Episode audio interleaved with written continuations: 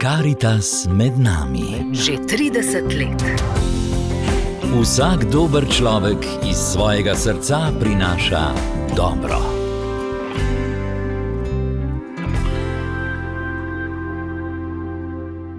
Dobro večer in dobrodošli, dragi poslušalci, v tem nedeljskem popoldnevu, v katerem si bomo vzeli nekaj minut za dobrodelnost v oddaji Karitas. Z gostjo, strokovno delavko Načkofijske Karitas Maribor, Sibilo Nidorfer, se bomo pogovarjali o programu, ki ga izvaja Načkofijska Karitas Maribor. Dober večer, gospa Nidorfer. Dober večer, lepo zdrav. Morda smo že slišali uh, ime programa Betka pa se k temu imenu še vrneva, gospa Nidorfer, in se zdaj osredotočiva bolj na vsebino. S svojim delovanjem oziroma z delovanjem programa Betka želite v družbo vključiti osebe, ki se zaradi svojega duševnega zdravja počutijo morda izključene. A si znamo ostali sploh predstavljati, v kakšnih stiskah se znajdejo? Začeli smo izvajati program Betka, ki je vključevanje oseb s težavami v duševnem zdravju. Eh, sedaj že teče drugo leto.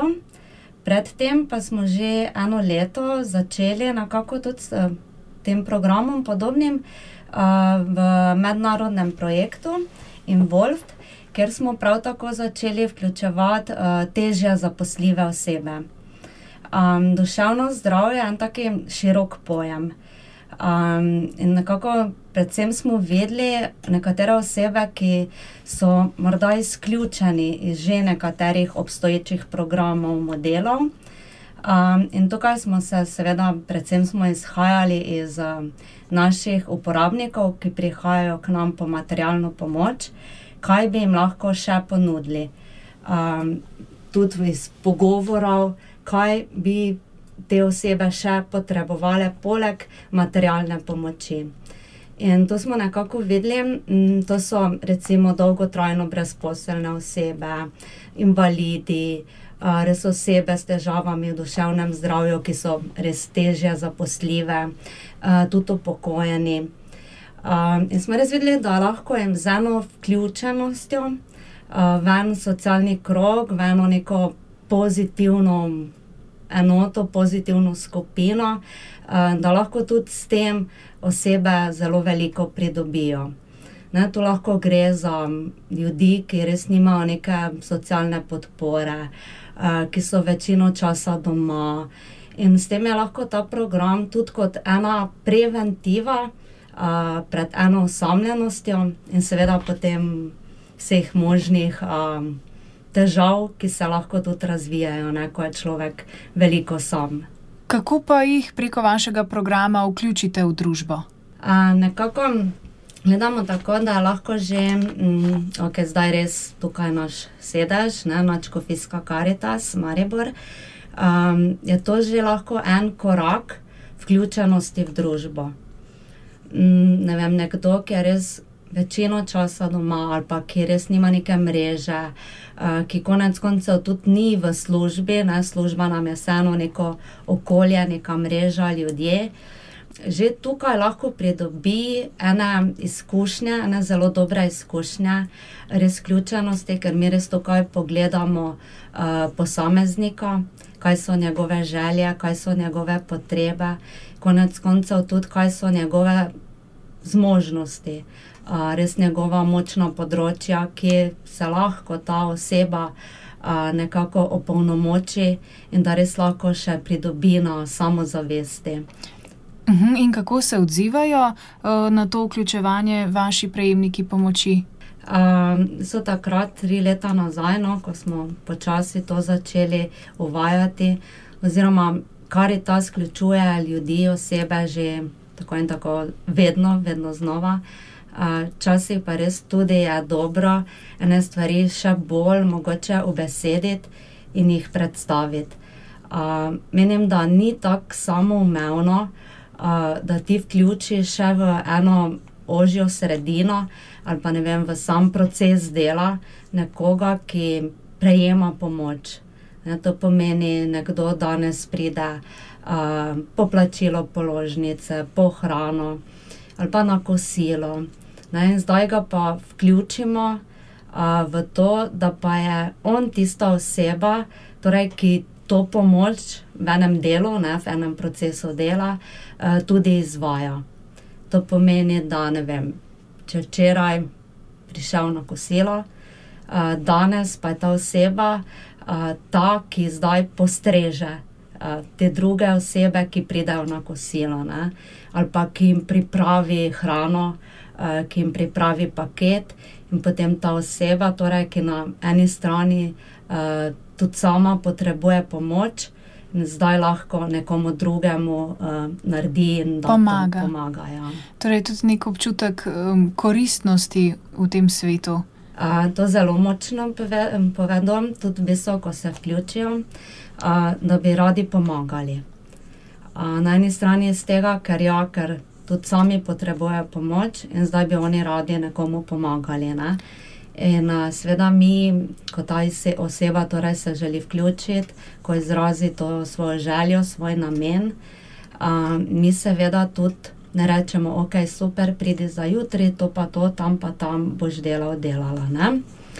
Um, ampak res tudi um, tem imamo te uh, pogovore z njimi, tudi uh, psihosocialno svetovanje, tudi spremljanje. Uh, čisto iz tega vidika, da res oseba lahko pogleda, uh, zakaj zdaj bi on, ona rada pomagala. In v bistvu pri tem um, se lahko tudi sreča z svojimi ranami, z svojimi travmami.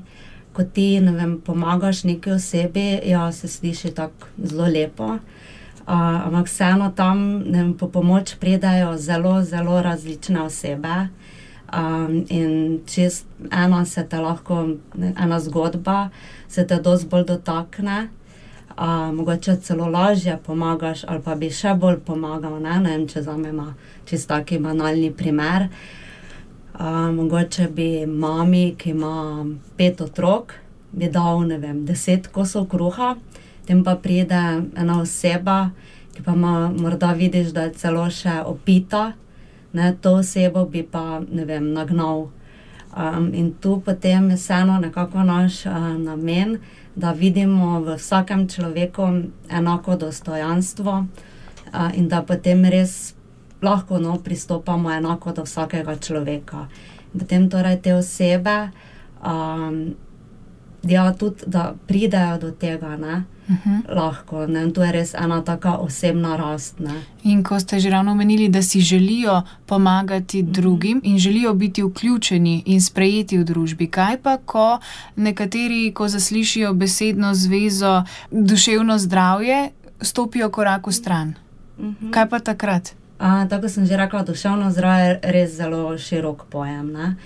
In čisto lahko se nam zdi, da ja, saj smo dobri do vseh ljudi, do vseh ljudi enako pristopamo. Mm, Ampak potem, ko imaš eno osebo, ne vem, ki zaradi enih svojih zgodb, tudi težav, mm, ne vem, ni, kako bi rekla, vedno enako dobro razpoložena, um, ali pa mogoče je zaprta v sebe, ali se ne znajde takoj tam, ko je nekaj potrebno narediti, ne komunicira tako, kot bi si vsi želeli. Um, ne, že to en pokazatelj teh težav v duševnem zdravju. Mm, In potem, kako pa zdaj do tega res pristopiti. Tu gre res za eno to aktivno vključevanje. Ne? Da mogoče nekateremu moraš ene stvari uh, večkrat povedati, ali pa mu tudi drugače povedati. Um, naj bo mogoče nekdo potreboval pol leta, in da bo se res pokazalo, kako lahko zelo dobro tudi funkcionira. In tu tako, ne če se res iz teh dveh let uh, spomnim in tako, no, ko mi pridajo spomini, um, je res tako dragoceno videti en ta napredek pri ljudeh. Oče, ko so na začetku se vključili, res bila ena ono, ta oseba se ne bo sploh znašla, zakaj sploh ne smo vključili, uh, naj samo hodi po pomoč, pa bo to to. Tem pa res čez en čas in ene take um, pozitivne spodbude tej osebi, in res, ko lahko pogledamo, kaj pa res ta oseba zna, ne, uh, ko se res potem po enem obdobju um, tako prav zažarijo, no, lahko ti ljudje. Mhm. Kakšni pa so bili vaši začetki? Najbrž ste orali ledino na tem področju v Sloveniji, po kom, če sploh po kom ste se zgledovali? Smo že tudi delali v enem mednarodnem projektu uh, z celovcem, z Gracom, uh, s celjem in slovensko karitas, Trnačko Fiska Karitas, Maribor. In je bil takrat uh, pilotni projekt Involved. Um, res smo gledali Avstrijci, uh, imajo res te osebe s težavami v duševnem zdravju že zelo dobro in močno vključene. In delajo tudi v trgovinah, um, v kavarnah. Ne, imajo, ne vedno moramo pa seveda gledati, da ima Avstrija vseeno en drugačen sistem kot Slovenija. Um, in tam so ja tudi zaposleni ali za par ur, za eno obdobje.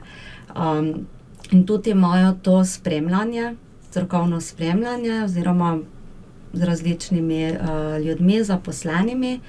Uh, in tako iz tega no, smo potem tudi mi začeli to razvijati. Ker naj mi kot te osebe m, vključimo, oziroma še preden jih res aktivno vključimo v naše procese dela, um, imamo z njimi pogovore, uh, kot sem že rekla, eno to spremljanje. Uh, in tudi potem, ko so že vključeni, ne, to so res ena skupinska dinamika, no, in se noter res pride tudi do kakšnih uh, nesoglasij, ali se odprejo kakšne težave. Um, in da res lahko tudi takrat, ko pride do tega, ker seveda ne moramo nobenega na vse pripraviti, uh, da lahko tudi um, imamo pogovore, tudi za celo skupino pogledamo, kaj in kako ravnati v nekih konfliktnih situacijah, v nesoglasjih. Um, in dejansko je to tako, um, najlahko si mislimo, da je to čist enostavno, ne? tu zdaj si vključen, tu zdaj to pa to naredi. Ne? In dejansko je to res tudi potreba, uh, da celotna organizacija raste. Ne, kot sem že rekla, najprej so to prejemniki pomoči, potem pa jih mi vseeno na nek način spustimo um, tudi v en ta naš delovni prostor.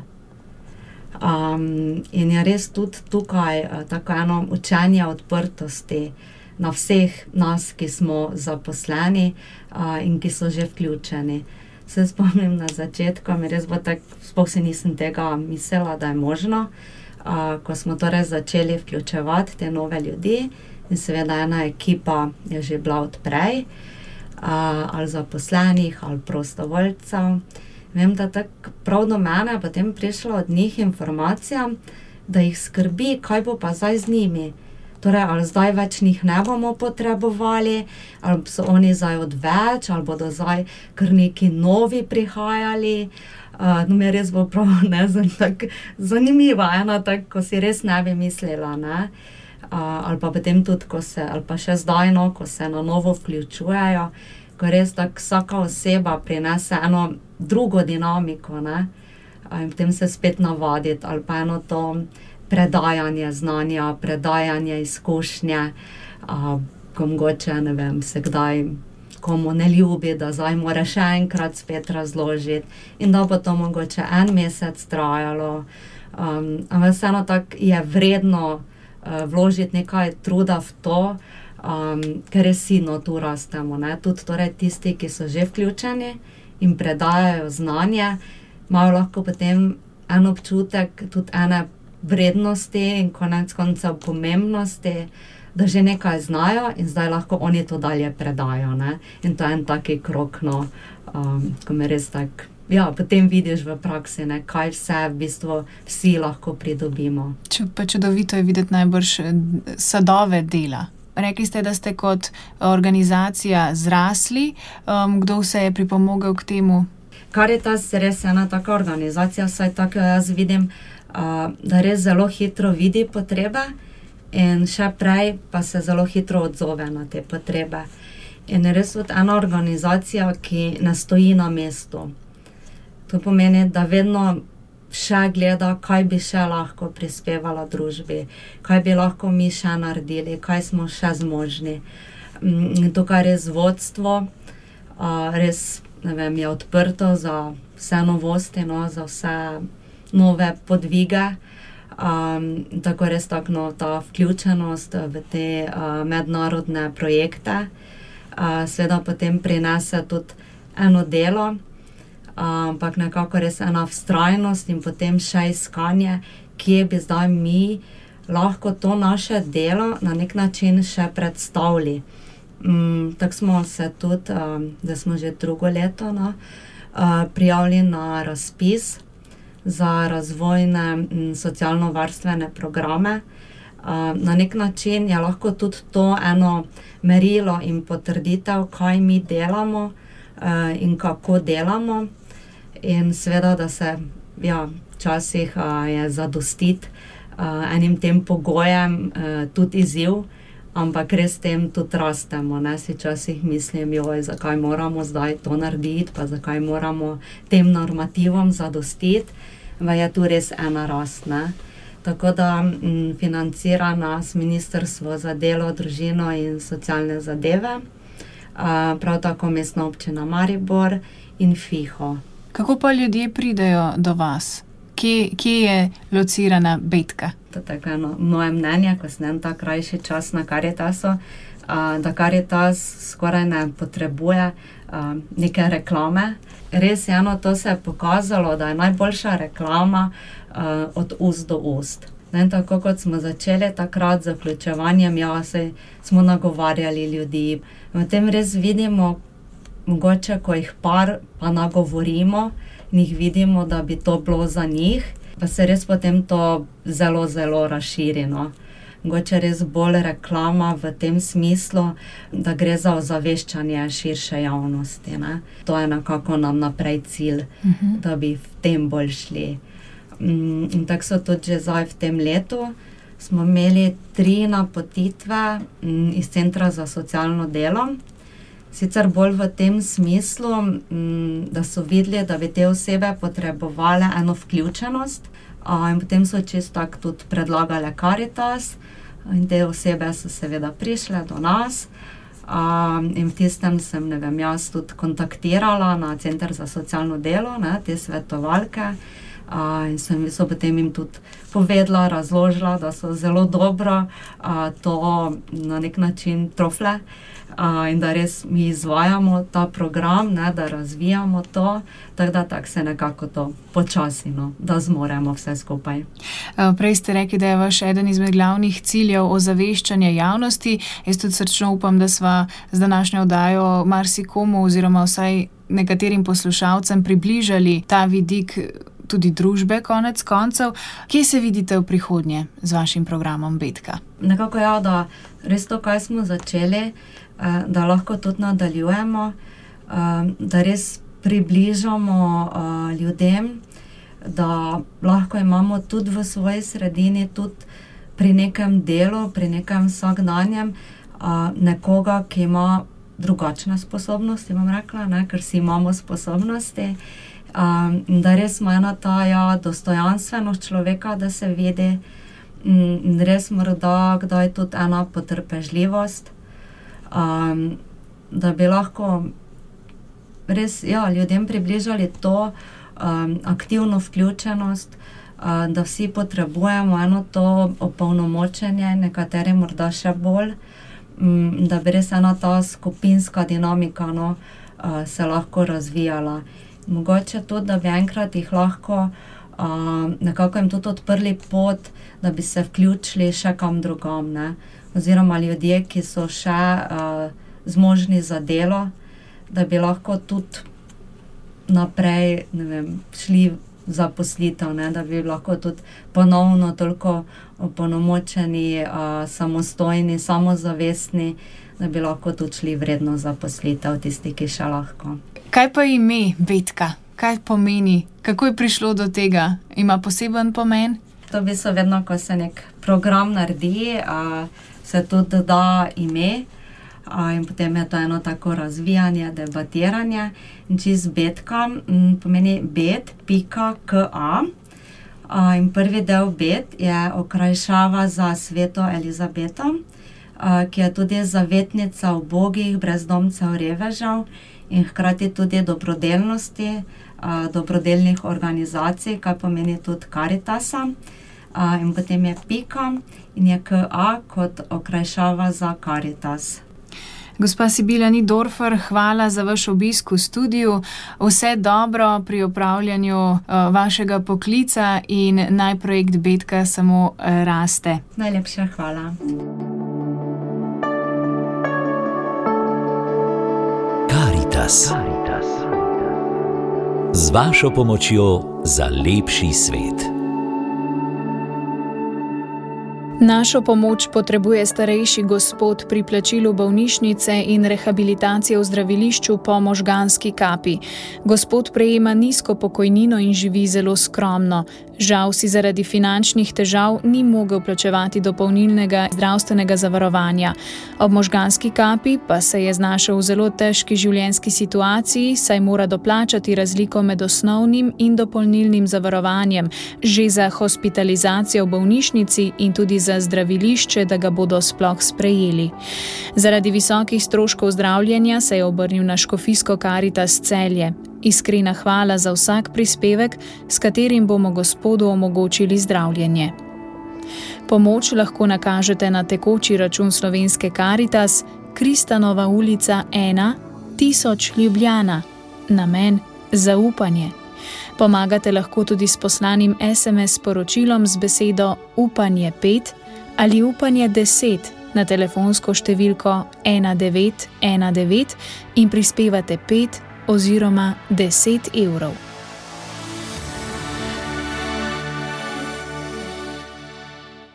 V današnji oddaji smo gostili strokovno delovko Načkofijske karitas Maribor Sibilo Nidorfer, s katero smo se pogovarjali o programu Betka. S tem programom si prizadevajo v družbo čim bolj vključiti osebe s težavami v duševnem zdravju. So ustvarjalci programa verjamejo, da je vključevanje prejemnikov pomoči v nek socialni krok dobra preventiva pred osamljenostjo in pred vsemi težavami, ki se v samoti lahko pri človeku razvijajo. Karitas med nami. Že 30 let. Vsak dober človek iz svojega srca prinaša dobro.